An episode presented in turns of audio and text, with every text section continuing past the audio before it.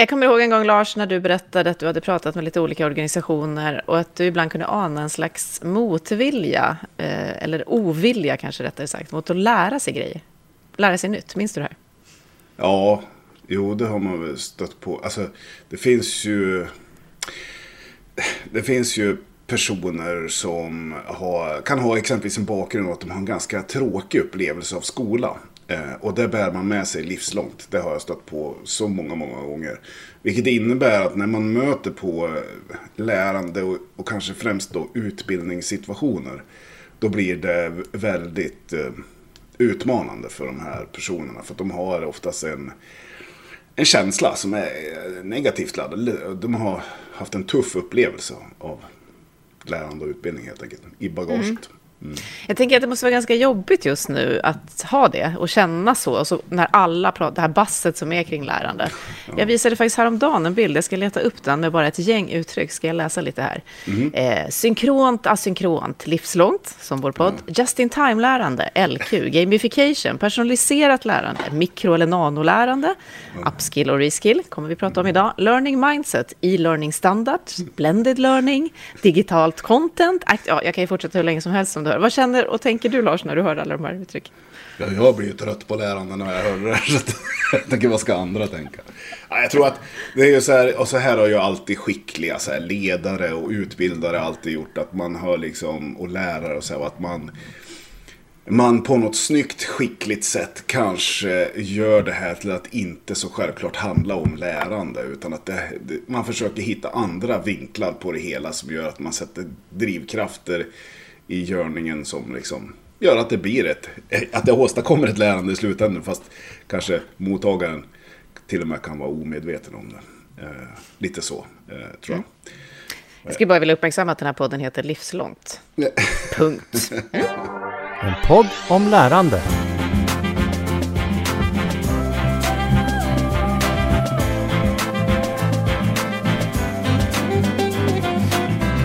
Hett är det här ämnet i alla fall och vi ska inte så mycket prata kanske om orden och begreppen igen som om hur man då, precis som du säger, de facto får till det här lusten, engagemanget och viljan och varför det är så viktigt. Så Lars Lingman och jag, Katarina Pietschak, säger välkommen till veckans gäst som är Per Lager. Hej på dig! Ja men hej! Hej, välkommen!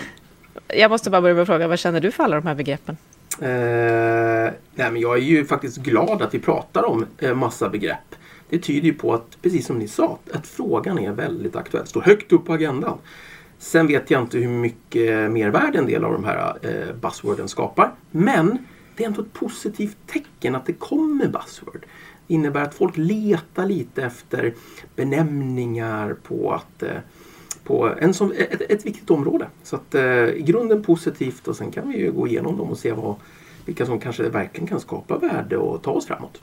Mm, det ska vi göra, men först ska du få berätta, vem, vem, är du? Vad ägnar du dagarna åt? Vi anar ju att du är kopplad till det här området. ja, eh, jag har jobbat ganska många år just med lärande, både direkt och indirekt. Eh, både som naturligtvis som lärare och pedagog själv, eh, men också då som rektor och, och som VD och styrelseordförande för organisationer, både universitet och högskolor och och eh, andra utbildningssamordnare, privata utbildningsföretag och sådär. Eh, idag så jobbar jag på eh, Försvarshögskolan eh, med eh, på den avdelningen som heter CTSS som jobbar med samhällets säkerhet och framförallt då lärande, utbildning, kurser för yrkesverksamma eh, som, som jobbar med att slå vakt om Sveriges säkerhet och, mot allt från pandemier och eh, skogsbränder till naturligtvis eh, säkerhetspolitik och i yttersta fall väpnat angrepp. Mm. Och du sa att du är glad att det här är högt upp på agendan. I de här samhällskritiska funktionerna som du är nära då, mm. hur, hur, högt, hur, hur, viktigt är lärande i allas uppfattning? Och liksom Nej, men jag brukar alltid försöka koppla ihop eh, förändringar i omvärlden eh, till lärande. Och eh, det tror jag kan säga. Det finns ingen som jobbar med någon form av, av, av samhällssäkerhet som inte upplever ett enormt förändringstryck nu. Det är allt ifrån liksom naturligtvis alla cyberangrepp till allt som händer i Ukraina till klimatfrågan som påverkar oss alla radikalt till pandemi och allting däremellan. Så eh, det, man upplever det här snabba förändringstempot och kopplar ju det indirekt eller direkt till att saker som jag måste lära mig för att öka min förmåga, för att vi ska öka vår förmåga. Så att där är liksom sense of urgency väldigt högt i den här sektorn. Mm. Och eh, de här begreppen då, eh, jag vet att ditt favorituttryck inte är livslångt lärande. Och du har just kommit med en ny bok, du har skrivit flera, som heter just eh, något annat, nämligen Upskill och Reskill. Vad fick du skriva den och att välja just de uttrycken? Ja, jag älskar begreppet livslångt lärande. Jag vill bara säga det. och det är ju viktigare än någonsin. Men ibland är det också, upplevs det av många som lite otydligt. Lite en sån här sak som alla bara håller med om Eh, och alla säger det är viktigt. Men då slipper man göra någonting.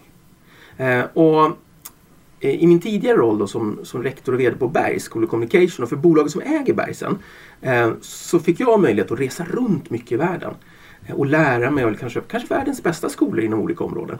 Eh, och naturligtvis inte, inte minst företag och organisationer som jobbar med lärande. Eh, och då började jag för kanske 7-8 år sedan att stöta på att man börjar liksom försöka göra livslånga lärandet lite mer konkret. Eh, och det kom ju lite som en effekt kan man säga av Industri 4.0. Och, och liksom flipsiden på den var ju, vad betyder det för kompetensförsörjning då? Ja, inte betyder att vi behöver lära oss mindre. Eh, och dessutom så är det väldigt många arbetsuppgifter som försvinner. Yrkesroller som försvinner eh, på gott och på ont. Där. Och då började jag stöta på de här två begreppen, upskill, reskill. Och ungefär samtidigt så, så upplevde jag också att innovationen tog ordentlig fart inom det här området. Eh, för, återigen drivet av förändringstempot. Och då såg jag att det var väldigt många organisationer som jobbade som man alltid har gjort. Det var många individer som jobbade som man alltid har gjort med lärande. Och så var det de som tog till sig av ny forskning och nya metoder och inte minst digitaliseringens möjligheter för att effekt, jobba med mer effektfullt lärande. Och då såg jag att det blev en stor avgrund där mellan de som gjorde som de alltid har gjort och de som tog till sig av det nya och höjde sina ambitioner. Därför skrev jag boken. För att mm. se till att sprida om liksom ett, varför vi behöver lära oss mer än någonsin och två, hur vi kan lära oss mer än någonsin. Och eh, då tänker jag att det där varför, även om man kanske inte har, känner det i kroppen tydligt, så pratas det, har det pratats väldigt länge om det här tempot och att vi lever i något slags skifte och det går fortare och digitaliseringen som du nämnde, globaliseringen och sådär. Men det där huret upplever i alla fall jag att det famlas en hel del kring. Eh, och du har ju också ett, eh, ytterligare ett skillbegrepp i din bok, nämligen get skill. Vi, mm. vi återkommer med till boken sen konkret.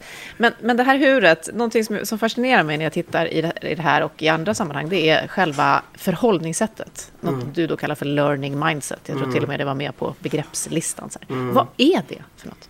Det är en jättebra fråga Katarina. Jag är inte riktigt säker själv höll jag på att säga. Men eh, återigen det positiva att vi pratar väldigt mycket om förmågan och insikten att lära sig nya saker som en enskilt viktig egenskap. Eller kompetens eller förmåga. Eh, och det är ju så bra. Det finns ju massa benämningar på det här. Learnability och LQ istället för IQ. Eller eh, ett learning mindset. Och jag tror att det är så viktigt då och kanske inte gå den där fällan när man vill liksom jobba mer med lärande. Att, att bara bröta på med kurser och utbildningar eh, ha hundratals utbildningar på intranätet så har vi liksom löst den där frågan. Så funkar det ju inte riktigt. Utan att grunda verkligen lärandet hos varje människa. Eh, och, och, och vet, vi hade lite försnack här innan och, och, Lars du pratade just om att många har också en ganska dålig erfarenhet av lärandet som man har från skolan. Och då är det viktigt tror jag att bygga ett starkt fundament hos varje individ, varje medarbetare om både viljan och förmågan att lära sig nya saker. Eh, och det är ju faktiskt någonting som vi kan alla bli mycket bättre på och vi kan lära ut det. Eh, och det lägger jag i Learning Mindset. Där jag har försökt att samla egentligen den forskning som finns, alltifrån Carol Dweck och Growth Mindset till mer Best Practice från organisationer i fyra stycken olika frågeställningar eller perspektiv som tillsammans stärker ett learning mindset. Ja, för det, det finns ju någonting, du är inne på det här. Det, vi kan ju se att det finns, nu när det här kommer på allas agenda, i alla organisationer och företag och så vidare. Man inser, man stöter kanske, det kan vara drivkrafter som att man har problem att rekrytera. Man inser att jag måste jobba med min befintliga arbetskraft och så vidare. Mm. Man märker att det är billigare, det är bättre när man får till det och så vidare. Och så. Eh, men det finns en tendens att man precis som du beskriver, man vill kasta ännu mer kurser och utbildningar på det här problemet. Mm. den här utmaningen. Det är det som är, man ska systematiskt tillhandahålla och genomföra och bocka av kurser och utbildningar. Mm. Men jag tror att, och det jag hör dig säga här också, det här handlar ju väldigt mycket om kulturbygge och ledarskap och sådana frågeställningar. Vi kommer mm. alltid givetvis att behöva kurser och utbildning, mm. självklart så. Absolut. Men det finns en väldigt stor parameter för att ett framgångsrikt liksom, kompetensförsörjning eller reskillande i sin, i sin organisation som är baserat på andra väldigt mjuka värden som måste till. Ja, jag håller verkligen med. Mm. Ja, men jag tänker också att det, det, här, det här aktualiserar ju den frågan som brukar komma upp i många sammanhang och som kan vara provocerande för en del. Vems ansvar är det? Är det mitt ansvar att jag skaffar mig det här learning mindset? Kanske särskilt om jag har en dålig erfarenhet av skola eller så. Eller är det någon annans ansvar? Är det min chef som ska uppmuntra mig till det? Eller vad, vad säger du om det Per? Vems ansvar är det här? Ja, men det, är, det är en fråga som jag stöter på i nästan alla organisationer. Eh, och man skulle enkelt kunna svara på den att det är väl självklart att det är den enskildes ansvar. Jag brukar säga så här att att lärande, det är alldeles för viktigt för att du ska outsourca det till någon chef, någon HR-avdelning. Se till att ta tag i det själv. Men i lärande är ensam inte stark. Det är svårt att skapa motivation och energi till att få lärandet att hända. Det är jättesvårt att veta vad ska jag lära mig då? Vad är det konkret som jag ska lära mig? Då måste man ju sätta sig ner framförallt med sin chef och ledare och säga vart ska vi någonstans? Var är vi på väg som organisation, som team? Och det brukar jag kalla för att tända den här fyren så att man ser långt bort där så blinkar det. Ah, det är dit vi ska. Då vet jag ju det. Ah, men då är det saker som tar oss dit jag ska lära mig. Och då behöver jag inte fokusera på att lära mig massa andra saker som går till ett helt annat håll. Um, men jag tror också, jag brukar ha en bild så som visar att på den här trenden att förr och ganska mycket nu så var det väldigt mycket HR. HR var ansvarig för att man lärde sig och vad man lärde sig. Men HR idag har ju inte koll på vad alla behöver lära sig. Alltså ju mer liksom, kunskapsrika vi blir i våra organisationer, ju mindre koll kan man ha centralt. Utan varje medarbetare har, är ju den som har koll. Vad händer och vad behöver jag lära mig? Så HR kanske mer jobbar med att skapa ramar och möjligheter. Men så har vi chefen och ledaren som måste ha koll på vår avdelning, vårt team. Vad är, det, vad är det vi behöver stärka? Och hur kan jag skapa förutsättningar för mina medarbetare? Och om man gör det där, då kan man ju också ställa lite krav på att medarbetaren ska ta sitt ansvar. Och jag som ledare, jag finns här. Jag är ditt bollplank, jag är din katalysator för lärandet. Och då kan jag inte undvika att nämna det. Jag läste precis här igår på Singapore så har vi den här Skills Future då, där alla invånare över 25 år har tillgång till sin egen portal för sitt eget livslånga lärande. Och nu kommer ju statistiken för 2021. 650 000 singaporianer har använt sig av Skills Future. Eh, och de är 5 miljoner invånare. Alltså jag får, där får jag gåshud. Alltså att då har man tagit fram en enkel teknisk lösning som gör att medarbetare, invånare kan ta det där ansvaret. Man kan få hjälp att mappa sina skills. Man ser vilka skills som efterfrågas. Man kan göra sin skillskapsanalys. Man ser var kan jag få de här skillsen någonstans. Allt ifrån workshops till utbildningar och allting däremellan. 650 000 personer använde den här tjänsten förra året. Alltså det är ju verkligen att skala det livslånga lärandet. Ja, och du, där pratade du då om förutsättningar, men du sa också för en liten stund sedan, vi kan lära ut det här mindsetet. Vi kan hjälpa folk att lära sig lära. Mm. Hur gör man det då? Ja, alltså man kan ju till exempel logga in på Carol, eh, vad heter det, Barbara Oakleys kurs Learning How to Learn på Coursera. Världens tredje mest eh, populära kurs faktiskt. Eh, miljontals användare. Där hon faktiskt, hon är professor, där hon lär ut vad vetenskapen säger om allt ifrån hur man undviker att prokrastinera och koncentrera sig och hitta fram. Men jag har försökt att förenkla det där lite grann. Kort fyra frågor. 1. Varför ska jag lära mig? Det måste man liksom grunda sig i. Varför lär jag mig? För att utvecklas, för att det är kul, för att få nytt jobb. för att behålla jobbet eller vad det är. Två, hur lär jag mig som bäst? Vad trivs jag? Är det liksom tillsammans med andra, ensam, digitalt, analogt, poddar, böcker, kurser, utbildningar? Eh, och inte minst, vad ska jag lära mig? Och sen den tredje frågan är, vad finns det för möjligheter till lärande? Alltså inne i min organisation har jag tagit reda på i min organisation, vad finns det för möjligheter för lärande? Vad är, vad är de här riktigt braiga kollegorna? Eller vad finns det för kurser? Eller vad finns det för studiebesök och konferenser? Och sen den fjärde, som är så viktig. Hur kan jag för mig själv skapa lärandevanor i mitt arbetsliv?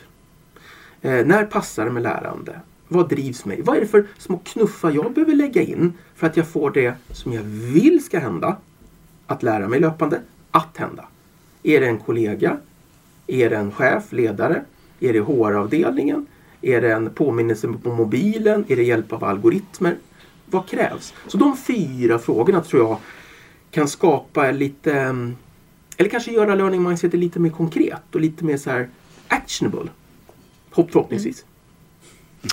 En eh, kurs där som eh, man verkligen kan kika på. Learning how to learn, upprepa det så att man kan leta upp den ifall man är sugen på det där. Och den är kostnadsfri ska jag säga också. Mm. Ja, den är kostnadsfri.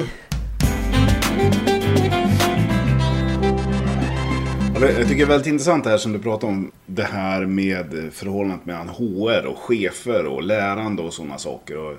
Eh, jag brukar likna det här lite grann. Det är lite samma rörelse som en digitalisering.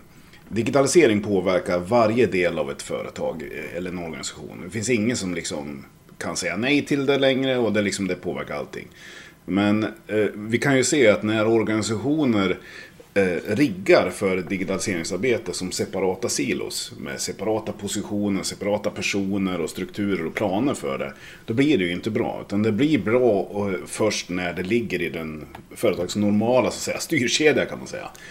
Och eh, precis som du är inne på här Per så är det nog precis likadant med det här med lärande. Det är så himla centralt. Det är nästan som elektricitet på något vis. Om man ska få till det bra. Det går inte att outsourca det till HR utan det här måste liksom läggas eh, på chefens bord och det behöver starta i styrelserummet. Mm. Eh, Absolut. Någonstans där liksom. För att ge hela frågan mandat och sen rinna igenom alltihop. När det blir riktigt bra. Eh. Och Lars, jag tycker du sätter fingret på det där. För att även om det är medarbetarna fått ett större och större ansvar för sitt eget lärande och faktiskt för sina kollegors lärande. Eh, vi lär ju oss tillsammans. Men ledningen har ju ett jätteviktigt uppdrag att visa att det är tillåtet, att det till och med är ett krav på att vi ska lära oss eh, i vår organisation. Och lärandet, det är inget som sker efter jobbet eller innan jobbet. Det är jobbet. Det är någonting vi ska liksom prioritera. Kanske är det det viktigaste jobbet.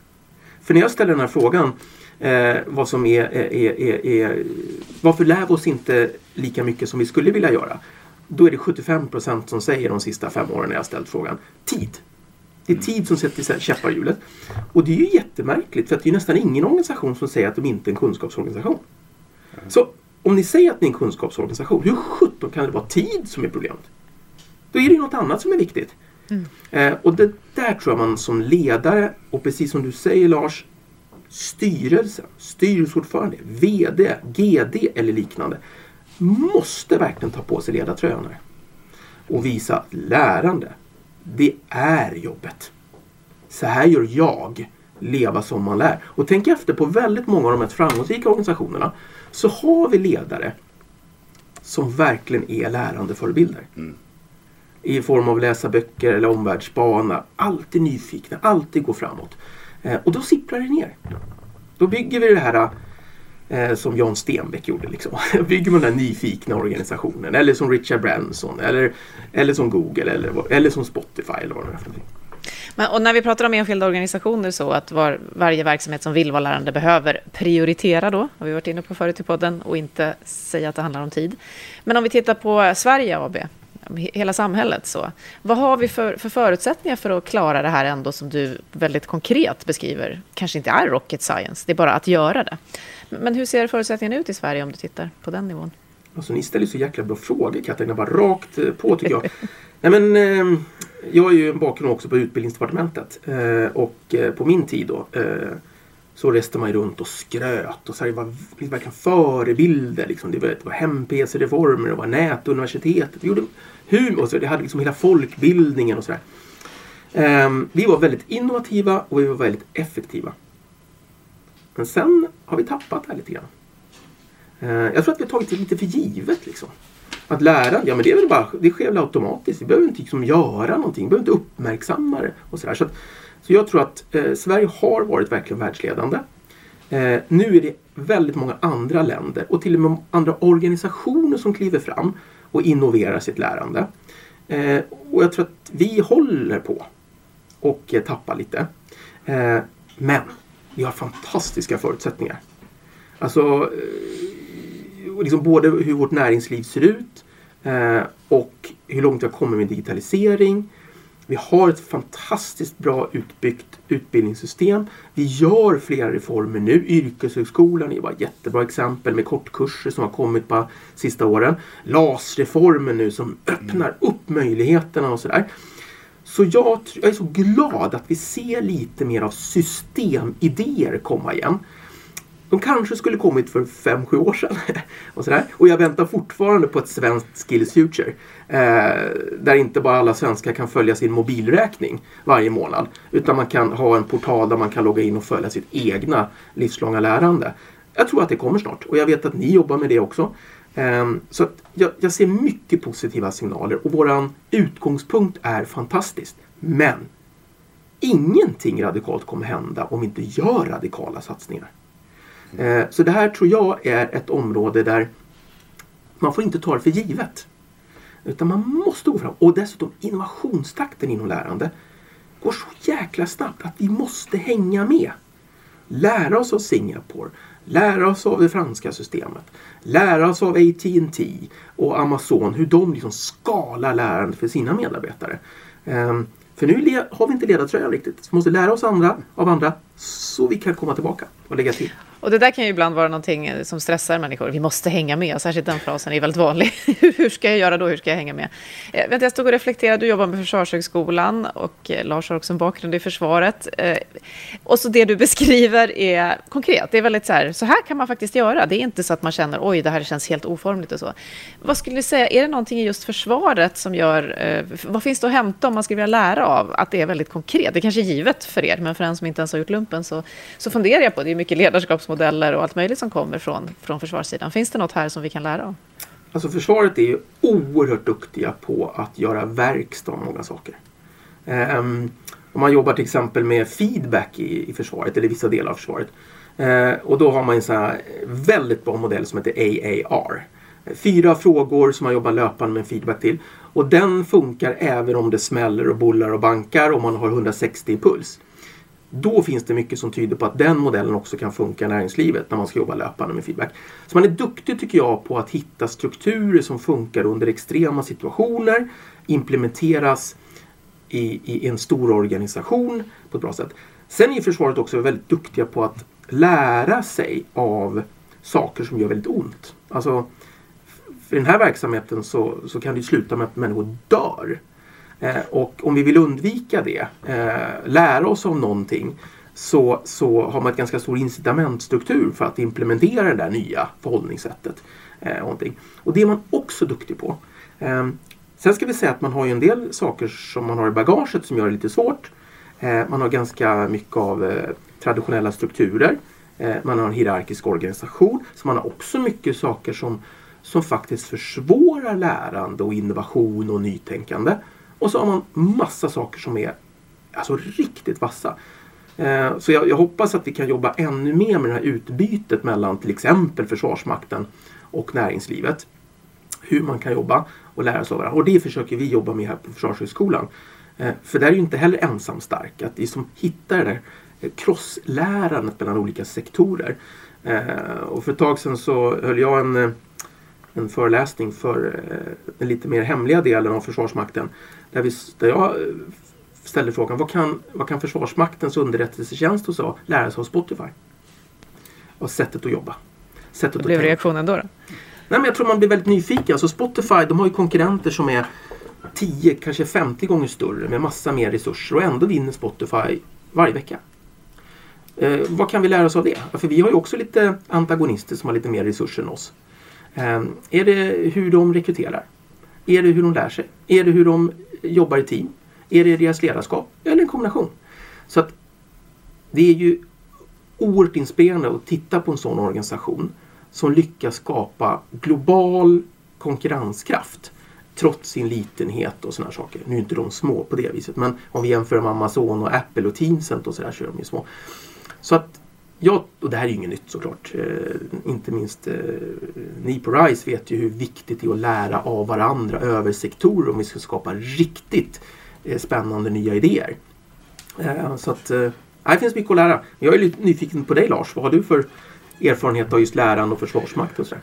Ja, men jag var ju yrkesofficer i tio år. Det var ju på medeltiden brukar jag säga. Jag fyllde ju 50 år här om veckan. Eh, så att det är way back in time. om det är en officerare som lyssnar nu. Men ja, det finns det egentligen två grejer som ploppar upp i mitt huvud. Mycket av det du säger här stämmer ju helt korrekt Per. Eh, men det fanns en en no bullshit attityd till lärande när jag jobbade med värnpliktsutbildning och soldatutbildning. Liksom, som var så här, för att det finns också en förmåga till att krångla till det här med lärande och syn i helsike med pedagogik och didaktik och så vidare. och så.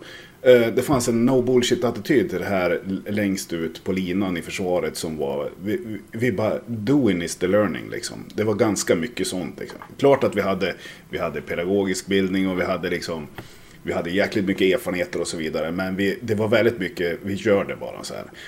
Och det fanns en parameter i det här som jag aldrig någonsin har stött på i någon annan organisationsform eller något annat lärandesituation som Försvarsmakten var exceptionellt skickliga på. Och det var det att förstå att eh, för att lära sig någonting så behöver man repetera och öva.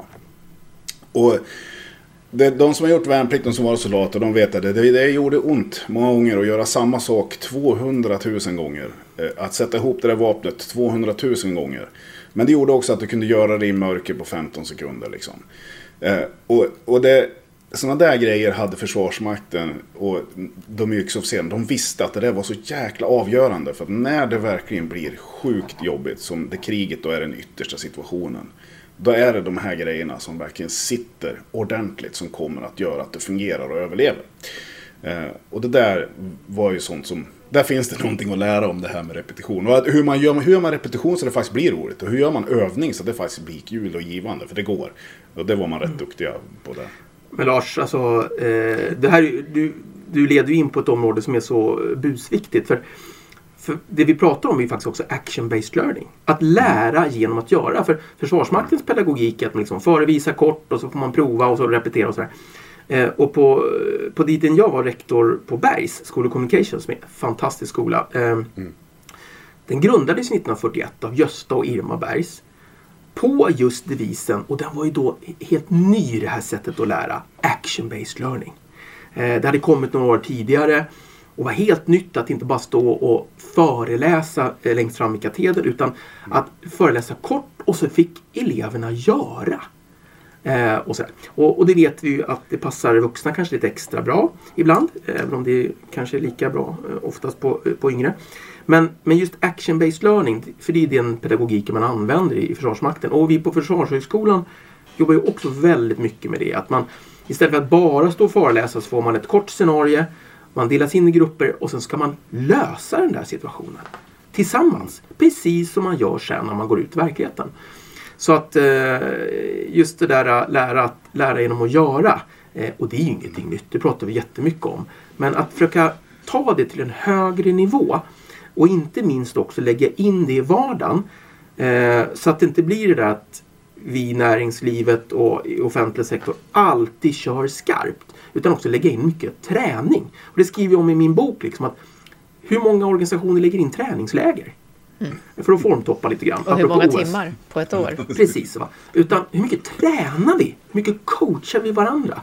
Eh, och det är ju blåljuspersonal eh, men också sjukvården jätteduktiga på. Att faktiskt öva och träna. Så när det blir skarpt läge är man bra. Där tror jag vi har mycket att lära i näringslivet och offentlig sektor övrigt.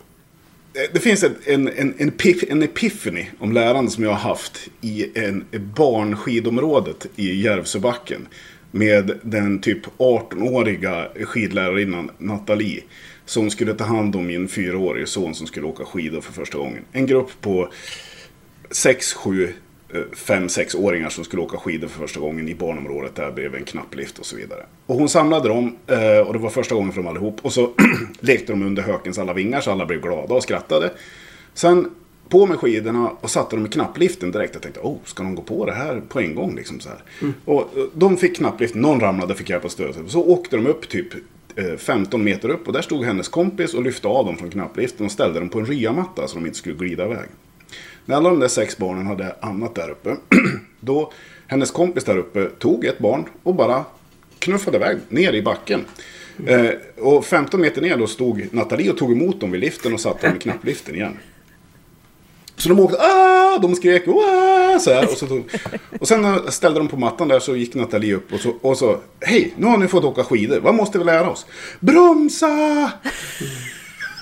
Ja, men det är ett underbart här. exempel liksom. Ja. Ja, men tänk, annars skulle de ställa dem där och säga, ja, idag ska vi lära oss plogbromsa så att ni kan stanna. på det." Nu hade de alla drivkrafter hela, de fattade att okej, det här kan jag inte hålla på med om vi inte bromsar. Nej. jag måste Nej men eh, det är ju klockrent. Alltså, det handlar om att börja med slutet i sikte. Eh, och, och det kan man ju säga i varför eller sense of urgency eller någonting. Eh, och tända den där motivationsgnistan. Eh, och skapa den där drivkraften. Klockrent exempel. Jag fick också minnen från en coachutbildning som jag gick som var ganska lång. Där vi plötsligt togs till Kungliga Tennishallen i Stockholm och skulle coacha tennisspelare utan att kunna någonting om tennis. Det var bara ögonen på bollen och det är helt fascinerande hur du kan få någon att slå de slag de vill slå utan att du själv kan spela tennis. Genom att bryta ner och observera och sådär. Så det är också... Får också Vilken underbar grej. ja, fantastisk övning.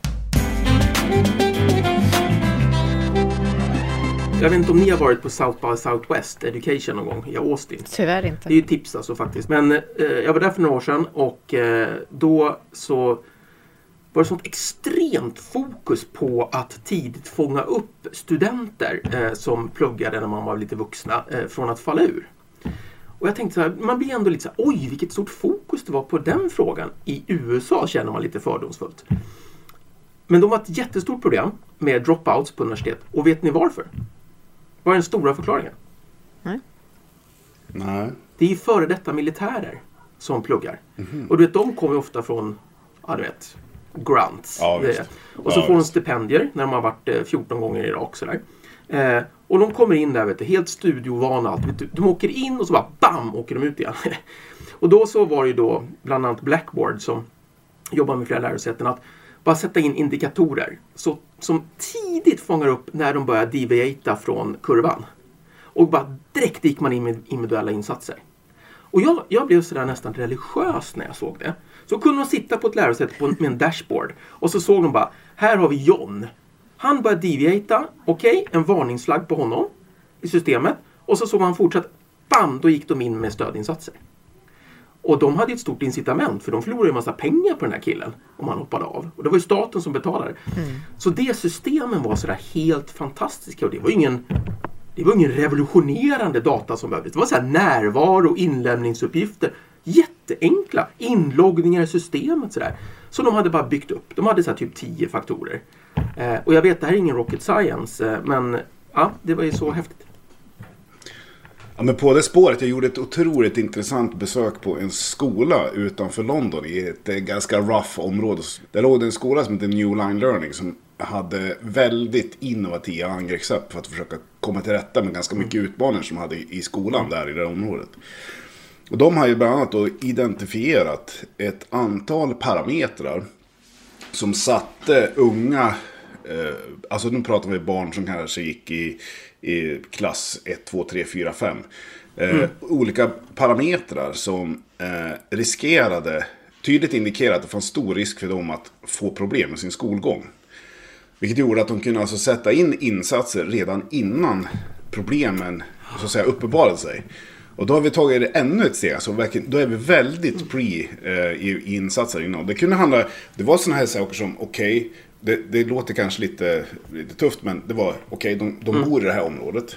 Föräldrarna eh, kanske är skilda eller har en viss typ av inkomst. Det var sådana där parametrar som man tittar på. Otroligt intressant projekt också, att kunna komma in med insatser innan faktiskt eh, problemen uppenbarar sig. Och det är ju det som att, att just data kan vara strategiskt som vi pratar om där.